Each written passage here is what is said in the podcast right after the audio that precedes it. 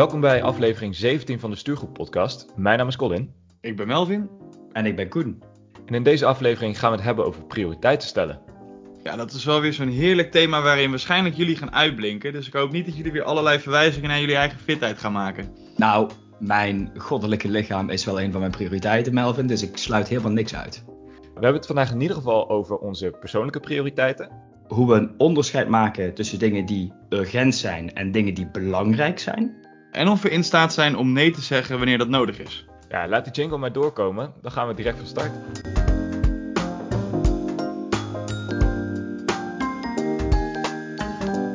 Als één ding zeker is na ruim 15 afleveringen van de Stuurgroep podcast, dan is het wel dat ja, kantoorjargon vermijden niet bepaald tot een van onze prioriteiten behoort. Melvin, we bereiken op dit moment echt ongekende hoogtes. Vertel ons meer over de stand van de boetepot. Voor de mensen die denken de kantoorjargon, we hebben die gasten het dan over. Nou ja, op www.destuurgroep.nl vind je onder het kopje boetepot een opsomming van alle woorden die wat ons betreft onder kantoorjargon vallen. En als we dan woorden zoals sparren of alignen gebruiken tijdens een aflevering of daarbuiten op het werk of uh, in privéomstandigheden, dan moeten we op een matje komen bij penningmeester Melvin. Ja, exact. En twee weken geleden gingen we over de schreef met de woorden competitors, downward cycle en de onsite. Ja, de onsite was al toegelicht in aflevering 16. Maar die bekte waarschijnlijk zo lekker dat hij ook in dezelfde aflevering gewoon weer direct gebruikt werd. Andere twee termen zijn zo vanzelfsprekend, die waren ook gewoon in het Nederlands te doen. Koen, Colin, het blijft wel een beetje opvallen dat we na de laatste weken vooral aan het verengelsen zijn. Dat dat hetgene is waar we nat op gaan. Daarmee klinken we intelligenter, denk ik. Maar ik kan eigenlijk helemaal geen andere reden bedenken. Jullie wel? Nou, niet echt. Maar misschien als we intelligenter willen klinken, dat we ook harder kunnen praten terwijl we verengelsen. Dan is het helemaal compleet. Goed, dus los van het kantoorjargon hebben we deze week binnen de stuurgroep getracht ook om niet nagekomen acties te bestraffen met een euro. Om te voorkomen dat de deadlines niet gehaald werden. Ja, dat is ons gewoon ook weer niet gelukt. Dus we klappen er deze week ook nog even 4 euro bovenop. En dat brengt ons bij een totaalstand van deze week. En dat is een weerzinwekkende 93 euro. Ja, onder het mom van uh, First Things First, financiën weer op orde. En nu door met andere prioriteiten. Ik heb wel eens gehoord dat je nou zeg naast je eigen thuisfront, hoe die thuissituatie er ook uitziet, drie prioriteiten of drie doelen kan hebben in je leven. En dan moet je denken aan, aan je carrière of hobby's, of familie, vrienden zien. Waar ligt de focus voor jullie momenteel op? Ja, voor mij, want als je inderdaad zegt dat je thuisgrond even laat gaan, want anders krijgen we ruzie hier thuis als we die natuurlijk niet benoemen. nou ja, dan, dan daarna is het voor mij op dit moment wel een combinatie van, uh, van werk, sport en hobby's. Ik heb volgens mij de laatste podcast ook wel eens vaker wat aangegeven dat, nou ja, wij zitten natuurlijk alle drie in, in een kantoortuin, dus werken is ook een bepaald deel van ons, uh, van ons leven. Maar ook dat sporten en die hobby's, daar probeer ik juist de laatste tijd wat meer ruimte voor, voor te pakken. Omdat ik daar ook gewoon zelf ja, rustig en, en, en relaxed van word. Um, dus dat zijn op dit moment eigenlijk wel mijn, mijn belangrijkste prioriteiten. Dat vind ik echt heel knap je die zo kan stellen. Ik was eigenlijk inderdaad het wachten, Melvin, tot jij reageerde. Want ik dacht echt, ja, ik ben hier denk ik niet zo goed in. Ik denk wel dat ik er acht kan opnoemen. Uh, want degene die jij noemt, denk ik, oh ja, heel logisch. Maar tegelijkertijd vind ik ook de stuurgroep ook wel een van de prioriteiten. Maar nou, ik ga ook regelmatig naar familie. Dus familie is ook een van die prioriteiten. En ja, met vrienden dingen doen eigenlijk ook wel. En die hobby's, dat valt bij mij ook weer uit elkaar. In, uh, zeg maar, in verschillende dingen. Dus ik, ik vind het wel moeilijk, uh, Colin, als jij zegt, wat zijn de drie? Ja, vind ik knap, Melvin, dat je er zo ook drie kan opdreunen. Dat, dat, dat is nou juist ook het lastige komen. Want je zegt, je zegt zelf ook, hè, ik, heb, ik heb misschien wel acht prioriteiten. En uh, ja. uh, na werk is al een groot deel van je week natuurlijk sowieso waar je nou, tijd aan kwijt bent of waar je tijd in investeert. Hoe je, het is maar net hoe je het vreemd natuurlijk. Ik weet dat je regelmatig sport, maar inderdaad, uh, je, je, je, reist ook het hele, het hele land door om vrienden, familie te zien. Klopt, klopt. Maar ik vind, gewoon, ik vind het wel knap dat Melvin het zo, zeg maar, zo duidelijk heeft voor zichzelf. Dus ik, ik, Colin, heb jij dat ook zo duidelijk voor jezelf? Ja, voor mij is mijn carrière of mijn werk is zeker ook wel een prioriteit op dit moment. Ik heb al een paar keer gezegd dat ik echt wel passie of heb ontdekt dat, dat risicomanagement dat dat mijn vak is. Maar dat ik voor mezelf nu aan het ontdekken ben van ja, in welke sector zie ik mezelf dat doen. En dat ontdekken de komende periode, dat is wel echt een van mijn prioriteiten dan nog weer specifiek binnen mijn, mijn werk als je het zo kan noemen. Dus dat is denk ik wel een hele specifieke. Ook sport staat voor mij gewoon heel hoog op het lijstje. En dat heeft enerzijds dan te maken met die, met die wedstrijd waar ik het laatst ook over had. Maar vooral dat ik denk, ja, ik ga gewoon richting de, richting de 30. En als er iets is waar ik nu graag in investeer, dan is het wel mijn eigen gezondheid. Is dit nou gewoon leeftijdsdiscriminatie in deze podcast, Colin? Dat is wel lekker. Nee, nee, nee, nee, zo bedoel ik het niet. Ik sport niet alleen maar om mijn hoofd leeg te maken, maar ook om, uh, ja, nou, niet, je kunt er nooit zeker van zijn. Maar in ieder geval het gevoel hebben dat je er alles aan doet om um, gezond ouder te worden, laat ik het zo zeggen. Dus vandaar sport voor mij wel meer dan alleen ook een hobby. Ja, gecombineerde derde is boyfriend behind Instagram, maar dat is wel, heb ik vaker gezegd, voor ons ook wel een soort van bedrijfje aan de zijkant echt bijna geworden. Samen met de stuurgroep. Die twee, uh, ja, die, die vechten wel om die derde plek, uh, zou ik durven stellen. Ik vind het ook wel leuk dat Melvin, zeg maar dan, uh, qua sport, natuurlijk net iets ouder is dan wat wij zijn. Dus we hebben al een klein doorkijkje naar de toekomst. Dus uh, Melvin, ja. eigenlijk, eigenlijk help je gewoon om onze prioriteiten te stellen. Dat vinden we Zeker, jullie horen mij een paar weken nadat ik 30 ben geworden over een zwakke rug en dat soort ongein. En ineens is het uh, gewoon prio 1, prio 1. Ik wil fit blijven, ik wil fit blijven. Ja, bedoel maar, er gingen allerlei alarmbellen hier af, want zo kan het ook, dacht ik bij ja, mezelf. Dat gaan we niet doen. Hey, fijn dat ik ook af en toe voor jullie een wake-up call kan zijn. Vaak is het andersom, maar uh, het is prettig. Voordat we verder gaan, waar ik nog wel benieuwd naar ben, we noemen die, die prioriteiten op. En, en het klinkt ook voor een deel alsof we dat uh, vooral ook doen voor onszelf, om onszelf te ontwikkelen.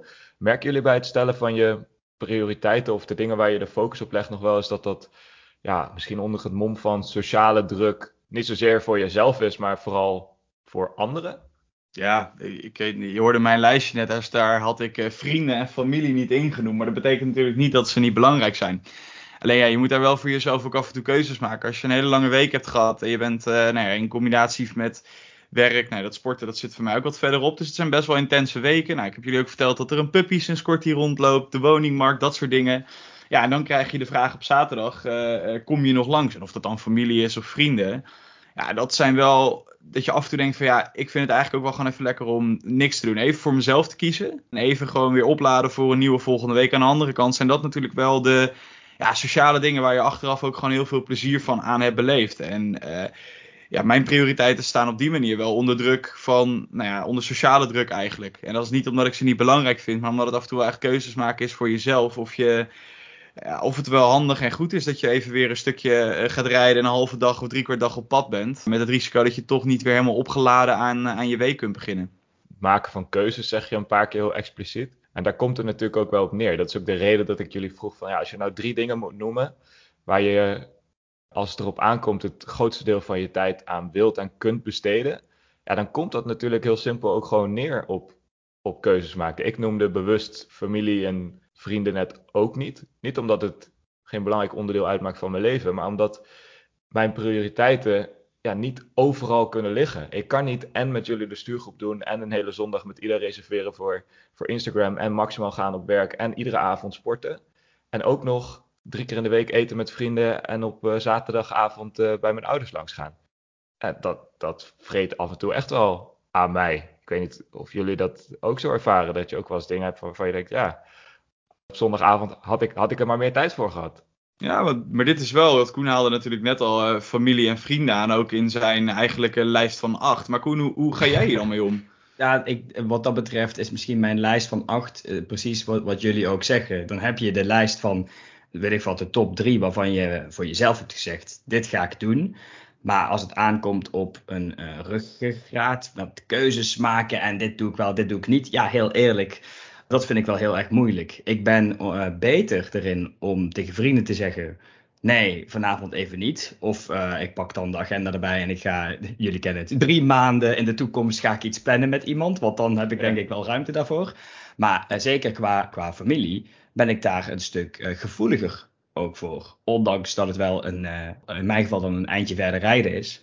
Maar dat vind ik dan een stuk moeilijker om te zeggen: nee, dat lukt me niet, want ik moet nog een edit doen voor de stuurgroep podcast. Of ik, uh, ik wilde eigenlijk nog even sporten, want op uh, maandagavond is dat niet gelukt. Dat, nee, ik moet eerlijk toegeven, dat doe ik dan niet. Dus dat is misschien ook wel meer de vraag.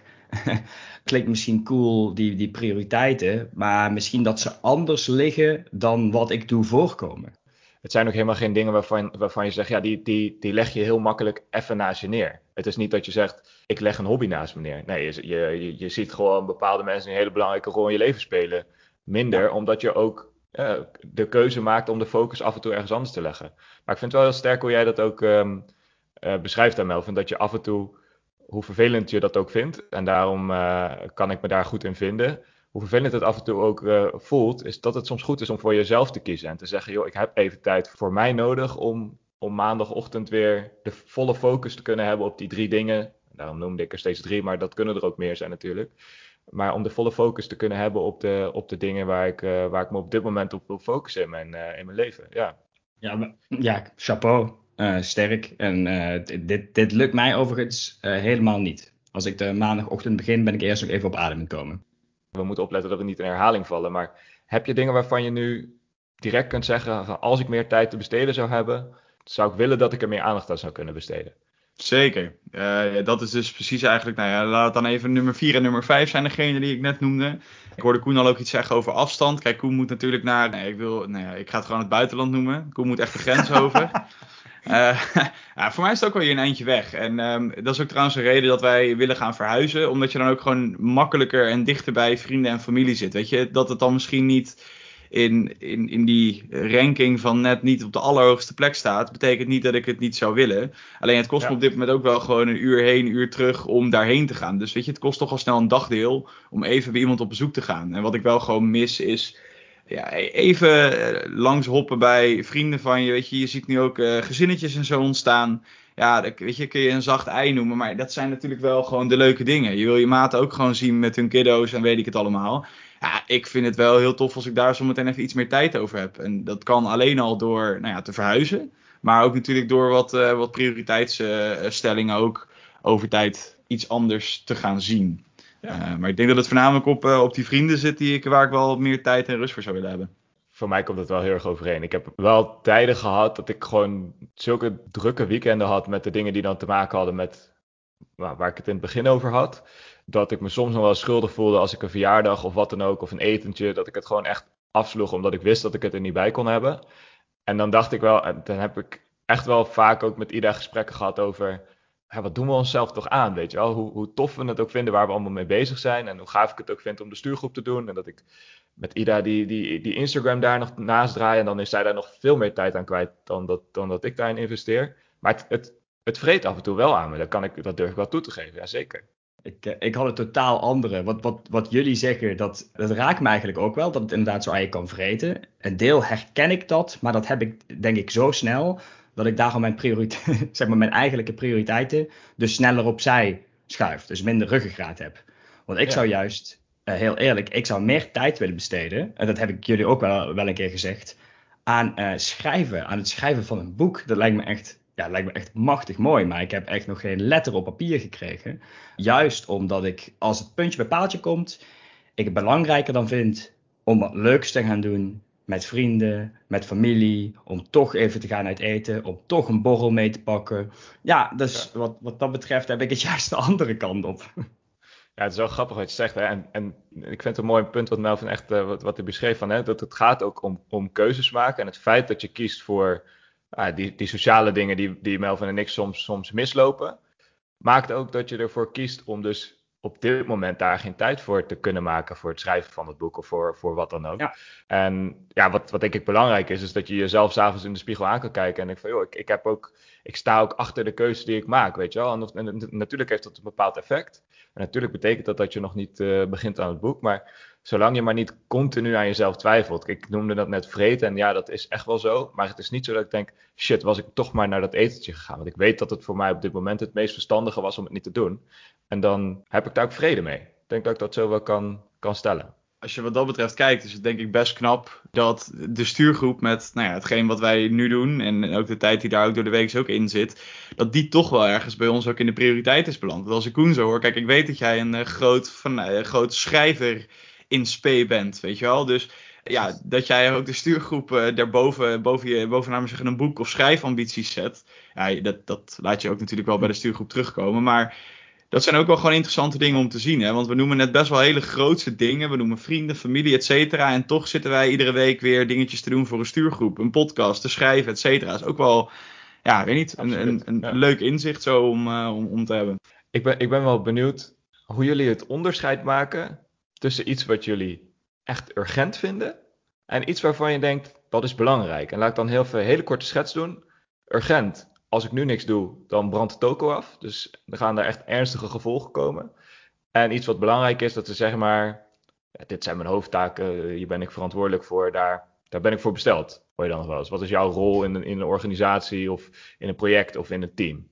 Hoe zorg je ervoor dat je dat weet te onderscheiden van elkaar? Ik denk dat dat het makkelijkste ook is om die te beantwoorden vanuit, uh, vanuit werk. Uh, urgent en belangrijk. En dat is denk ik natuurlijk de hele fuck-up van, uh, van de kantoorjungle. Alles is urgent. Tenminste, als je de, je omgeving moet geloven. Maar ook alles is belangrijk. Ik denk dat het een beetje ook met je rol te maken heeft waar je, waar je dan inderdaad in zit. Voor mij is het op dit moment wel zo dat ik echt op de balans zit van ik moet een paar maanden vooruit kunnen kijken. Er is ooit iemand geweest intern die tegen mij heeft gezegd: uh, als je ooit manager wordt, bla bla bla, dan moet je in staat zijn om een paar maanden vooruit te kijken. En je team is dan bezig met hetgeen wat vandaag belangrijk is. Nou, vond ik eigenlijk wel een mooie uitspraak. Alleen voor mij is dat ontzettend moeilijk op dit moment. Want uh, belangrijk is dus gewoon vooruitblikken, meer de strategie of tactische zaken. Terwijl je uiteindelijk gewoon merkt dat je, uh, nou ja, 70, 80 procent van je werk is, valt onder de categorie urgent. Nou klinkt het alsof er heel veel brandjes en paniek is, maar dat heeft ook gewoon te maken met dingen die ik dan misschien weer als urgent interpreteer. Dus dit is ook wel even een persoonlijk ding. Dat ik sommige zaken misschien ook te makkelijk, te snel urgent maak. Maar goed, dat, is, dat heeft denk ik ook een beetje te maken met of je je omgeving goed genoeg kent, zodat je kan inschatten wat wel en niet urgent is en wat belangrijk is. Want wat ik zeg, als je collega's moet geloven, dan is alles urgent en alles belangrijk. Mijn uitgangspunt is eigenlijk dat gewoon bijna niks urgent is en dat er maar heel weinig gevallen zijn.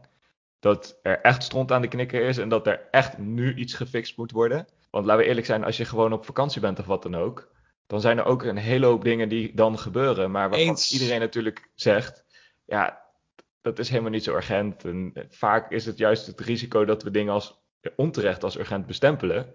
Waardoor die belangrijke zaken, die, die focus, die strategie wel vindt, dat die daar misschien wel onder gaat lijden. Dat die gewoon zo erg beïnvloed wordt door de waan van de dag. En nou ja, brandjes blussen is dan negatief, maar je aandacht wordt steeds afgeleid omdat we onterecht dingen zeggen, bestempelen als ja, die zijn urgent. Ik bedoel, hoe vaak gaan er mensen Zeker. dood? Nooit. Nee, dat helemaal eens. Niet. helemaal eens. Daarom zeg ik, het heeft ook vooral met mijn uh, definitie te maken. Maar wat je daarin dan wel ziet, hè, op, ik, ik merk ook door aan mezelf dat ik dingen urgent maak, omdat ze anders op een wat meer langere baan gaan en er ook niet heel veel vooruitgang in komt te zitten. Dus dit, dit is ook wel een beetje mijn gewoon persoonlijke spagaat. Dus ik hoop dat Koen ergens nu in het midden uit gaat komen en niet, niet aangeeft dat ik echt een of andere randebiel ben. Maar Koen, nee, verlos me uit mijn lijden.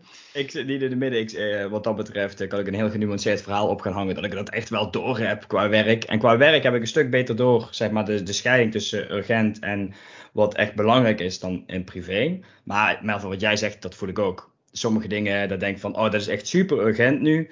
En dan ben je ermee bezig. En dan later blijkt, nou ja, weet je, dat, dat was niet zo urgent. Maar het is goed dat het is gebeurd. Anders had het nog, weet ik veel, zes maanden ergens stof liggen vangen. En was niet van de grond gekomen. Alleen, ik moet eerlijk bekennen dat de belangrijke dingen, wat Colin, wat jij dan noemt, waarvoor je besteld bent, af en toe zijn dat ook wel wat, wat langdradigere, saaiere dingen. En als er dan iets voorbij komt wat ik ook maar heel lichtelijk als urgent kan bestempelen, dan heb ik stiekem ook wel de neiging om dan te zeggen, ah oké, okay, fuck doe dat wel even eerst. Ja, ik heb het misschien ook een beetje de harde manier geleerd. In die zin dat dan iets als heel urgent bij mij over de schutting geworpen werd. Ja, dan moet je echt nu een, een analyse op loslaten. Daar hebben we echt, dat product hebben we echt volgende week maandag nodig. En dan wordt er rustig gewoon ja, het, het, het, stond op de agenda, maar we kwamen er niet aan toe. Uh, twee weken vind, over twee weken vindt het uh, overleg weer plaats. Uh, dan hebben we het erover. En dan denk ik, motherfuckers. Het was, het was toch zo urgent? En dat, en dat is een beetje gegroeid naar dat ultimatum wat ik net noemde.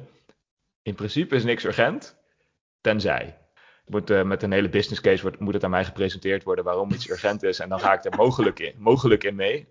Maar ja, kijk, jij, jij, maakt het onderscheid net ook al, hè, Koen. Uh, zakelijk vind je dat makkelijker dan privé. Is dat voor jullie nog anders? Als ik naar het privéleven kijk, dan zaken die urgent zijn, dan kijk ik even naar verjaardagen. Weet je, die maar gewoon een datum hebben. En dat is nu of volgend jaar weer. Dus dat soort dingen schaar ik dan even onder urgent. Het is natuurlijk wel zo dat je ook in je privéleven, ik gaf het net al aan, de, de redenen waarom ik af en toe gewoon ook in die squeeze kom, is juist ook daar weer vanwege die urgente zaken. Belangrijk is dat je gewoon ja, ik noem het even, verbonden blijft met je vrienden dan bijvoorbeeld. dat is het mhm. belangrijke stuk eraan. Ook gewoon de relatie die je met elkaar hebt, die wil je met elkaar ook onderhouden. Je wil nog heel veel dingen in de toekomst gaan doen. Alleen daar zitten ook gewoon een paar belangrijke dingen of urgente dingen aan vast. Kijk, ik vind het ook gewoon leuk om naar de verjaardagen te gaan. Of als er bepaalde dingen zijn. Weet je, bruiloften zijn natuurlijk ook grootste zaken. Maar dat soort dingen, tuurlijk, daar ben ik bij. Verjaardagen, daar ben ik bij. Alleen wat je dan vaak ziet, is dat toch de ja, reguliere uh, bakjes koffie of een drankje hier en daar doen, die vervallen wel weer redelijk snel. En nou ja, goed, de coronatijd was daar denk ik geen ander voorbeeld van. Uh, dat, dat, dat, dat viel eigenlijk alles in het water. Maar uh, ik denk, ja, als ik op die manier naar urgent en belangrijk kijk, ja, denk ik dat ik in mijn privéleven iets meer naar belangrijk neig. En dat urgent enkel de verjaardagen, dat soort dingen zijn. Ja, maar ik vind het wel grappig dat je, dat je hem zo typeert. Wat je zei net van werk, uh, daar, daar is, lijkt, alles, lijkt alles urgent. Ik heb juist in mijn privéleven, alles lijkt belangrijk. Niets is echt urgent. Oké, als je verjaardag zegt, ja, die kun je, oké, die, kun je, die datum die staat vast, dat is, dat is waar. Maar ik, ik vind het juist veel moeilijker privé, omdat, omdat ik zelf ook alles belangrijk vind. Ik heb veel meer moeite om die, die, af, die afweging te maken van, eh, vind ik het nou belangrijker slash leuker uh, om hierbij te zijn of daarbij te zijn? Is, is het nou juist uh, dat uit eten gaan met vrienden of is het naar de bioscoop gaan met anderen? Dat, dat vind ik een stuk lastiger in die zin. Maar daarbij helpt wel dat je een soort van planning aanhoudt. Dus de, die, die notoire agenda's van Colin en mij, dat helpt mij wel om in, om in ieder geval iets van uh, rangorde erin aan te geven. Ja, nee, nu gaan we dit doen. Ja, en dit is, dit, dit, is dus wel dat uiteindelijk uh, de zaken die ik net noemde, de, de drankjes en de hapjes hier en, hier en daar, die moet ik dus echt gewoon plannen. Dat is gewoon echt ver tegen mijn natuur in dat ik met iemand een datum prikken voor drie maanden vooruit moet doen. Maar wel, als je dit voor elkaar wil krijgen, moet het haast wel. Niet alleen vanwege mij. Ik bedoel, iedereen heeft natuurlijk gewoon zijn eigen leven. Dus je moet gewoon langzamerhand wat meer gaan plannen. En uh, ja, dat is een beetje tegen mijn natuur. Maar goed, dat hoef ik na, wat is het, hoeveel podcast? Uh, eh, 16 stuks niet meer te vertellen, denk ik. Ik sluit me wel heel erg aan bij, uh, bij wat Koen denk ik zei. Ik heb privé heel veel meer moeite met dit doen dan dat ik dat zakelijk heb. Zakelijk ben ik denk ik gewoon een beetje een botte lul geworden. En privé, ik, nou, ik, ik noemde dat net al. Ik heb, ik heb privé denk ik veel vaker dat ik denk, ja, kut, daar heb ik te lang mee gewacht. Nou kan het niet. Of shit, was ik er maar toch naartoe gegaan, weet je wel. Ik heb de, dat trek ik vaker in twijfel. Of dan heb ik vaker zo'n soort FOMO-gevoel. Van was ik er maar bij geweest. Wat nou als ik wel daar meer tijd voor had gemaakt. Dus dat, ehm, dat gevoel van dat zoiets aan me vreet, dat heb ik privé veel vaker dan, dan zakelijk. En dat maakt dat ik het ook veel moeilijker vind om, om privé misschien die, uh, die prioriteiten of dat onderscheid tussen wat is nou belangrijk en urgent te maken. Je hebt gewoon veel op je bordje, waar we het net ook over hadden. En daar komt dan nog misschien iets bij of nog een vraag van wil je daar nog naartoe gaan of wil je daar nog even bij helpen. En dat ik dan veel sneller geneigd ben om gewoon met het, het laatste maar aan de slag te gaan. Echt dat last in, first out en dan ga ik er maar mee bezig. Dan denk ik, ja, uh, even door de bomen het bos uh, niet meer zien. Privé echt, echt uitzonderlijk veel vaker dan, uh, dan zakelijk. Het is wel grappig om dat zo pratende wijs te realiseren. Terwijl jij, Colin, de man bent met volgens mij het levensmotto nee is ook een antwoord. Ja, en ik bedoel inderdaad met grappig te zeggen dat het vooral confronterend is. Maar ja, je hebt, je, je, hebt helemaal gelijk. Kijk, ik, ik zeg ook wel nee privé. Alleen um, de keuze maken ligt me zwaarder of zo. Ik denk dat dat is een moeilijke ja. cryptische beschrijving. Maar dat, dat, uh, dat is denk ik wel de juiste, ja, de juiste manier om het te benoemen. Ik snap hem volledig. Ik sluit me er ook volledig bij aan. Die keuze maken is veel, veel moeilijker. Hey jongens, gesproken over het, het, zeggen van nee, als dat, dat soms ook nodig is. Welke tips zouden jullie luisteraars mee willen geven als het dan gaat om het stellen van die prioriteiten en daar vervolgens ook opvolging aan te geven? Dus niet alleen maar te zeggen ik vind het belangrijk, maar hoe zorg je dat je dan ook, Koen noemde dat die ruggengraat, dat je die ook hebt zonder dat je daar, zoals ik af en toe, een beetje een schuldgevoel aan overhoudt. Ik denk dat dat voor mij wel uh, eigenlijk zit in het um, er open over zijn op een of andere manier. Want uh, dat schuldig voelen, dat heb ik ook, uh, Colin. En ik heb dan ook een soort van verklaringsdrang. Om dan mensen maar uit te leggen hoe ik mijn keuze maak. Maar, of, en op basis van welke gronden of whatever. Maar ik merk wel dat dat mij in ieder geval ook gewoon oplucht. Want dan heb ik ook maar gewoon verteld waarom ik een bepaalde afweging maak. Of waarom ik gewoon werk even geen aandacht kan besteden. Of waarom ik bijvoorbeeld even niet naar mijn vrienden kan. Dus weet je, op het moment dat je al moeite hebt met, met prioriteiten stellen. En, en uh, je er ook nog eens een keer aan houden. Het is niet iets wat volledig bij jezelf ligt. Dan kan je prima ook gewoon tegen iemand vertellen van ja, sorry, maar ik moet deze week echt even of ik moet vandaag echt even dit. En uh, nou ja, dat hoeft niet verkeerd over te komen. Dat hoeft niet heel een nare boodschap te zijn. Het helpt denk ik alleen maar in, uh, ja, in de dialoog met degene waar je dan nee tegen moet zeggen. Dus dat zou mijn tip zijn. Tegelijkertijd is het wel iets waar ik zelf ook gruwelijk veel moeite mee heb. Ik ga een, een iets jatten van, van Koen, denk ik. En dat is dat Koen altijd dingen opschrijft. Ik denk dat het goed is om je, om je prioriteiten voor jezelf op te schrijven en ook voor jezelf na te gaan van wat, wat brengt het me nou dat ik hier een bepaalde focus op heb in mijn, in mijn leven of in hoe ik mijn, hoe ik mijn dag, hoe ik mijn weekend indeel. Omdat uh, dat je ook zou kunnen helpen bij het, bij het maken van die keuzes. Als je jezelf gewoon echt uh, jezelf sterkt met dat je weet dat je bewust bepaalde keuzes aan het maken bent, dan denk ik dat je dat, dat FOMO-gevoel wat ik zelf af en toe uh, ook heb, minder zult hebben. Heel sterk, had van mij kunnen zijn. Ja, daarom zei ik, je had het een beetje van Koen. ik geef de tip eigenlijk hoofdzakelijk ook aan, aan mezelf, niet alleen aan luisteraars. En dat is die, die van jou, Colin, echt het nee zeggen. Ik ben nog te veel bezig, en misschien dat anderen dat ook doen. Uh, ja, ja, dat komt niet goed uit, maar laten we dan de avond daarna doen. Of laat ik mezelf in twee splitsen op die dag. Dus het echt het nee leren zeggen om het gewoon te gaan doen. En dan is het de eerste paar keer misschien onhandig en stuntelend, omdat ik er niet zo open over ben als wat Melvin dan is. Maar gewoon om te beginnen met dingen ook af te zeggen. Want uiteindelijk maak je dan ook die keuzes. En dan wordt vanzelf ook duidelijker wat die prioriteiten voor je zijn. Dus dat zou mijn tip zijn. Ja, en om dan mee af te sluiten, een van de prioriteiten van de stuurgroep is dat we in een podcastaflevering in de toekomst graag ook de verhalen van jullie, van de luisteraars zouden willen delen. Dus heb je nou nog een fantastisch kantoorverhaal of kantoorjargon wat voorbij is gekomen waar je nekharen echt recht van overeind ging staan?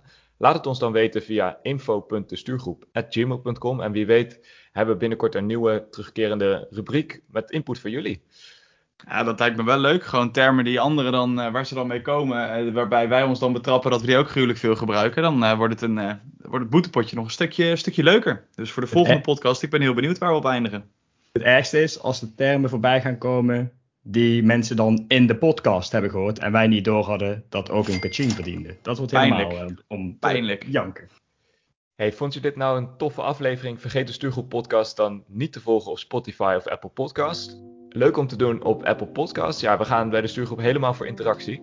Laat een review achter of in ieder geval een rating met een aantal sterretjes. Naast de podcast plaatsen we natuurlijk regelmatig artikelen op onze website www.destuurgroep.nl en zijn we actief op de socials. Dat is heel simpel.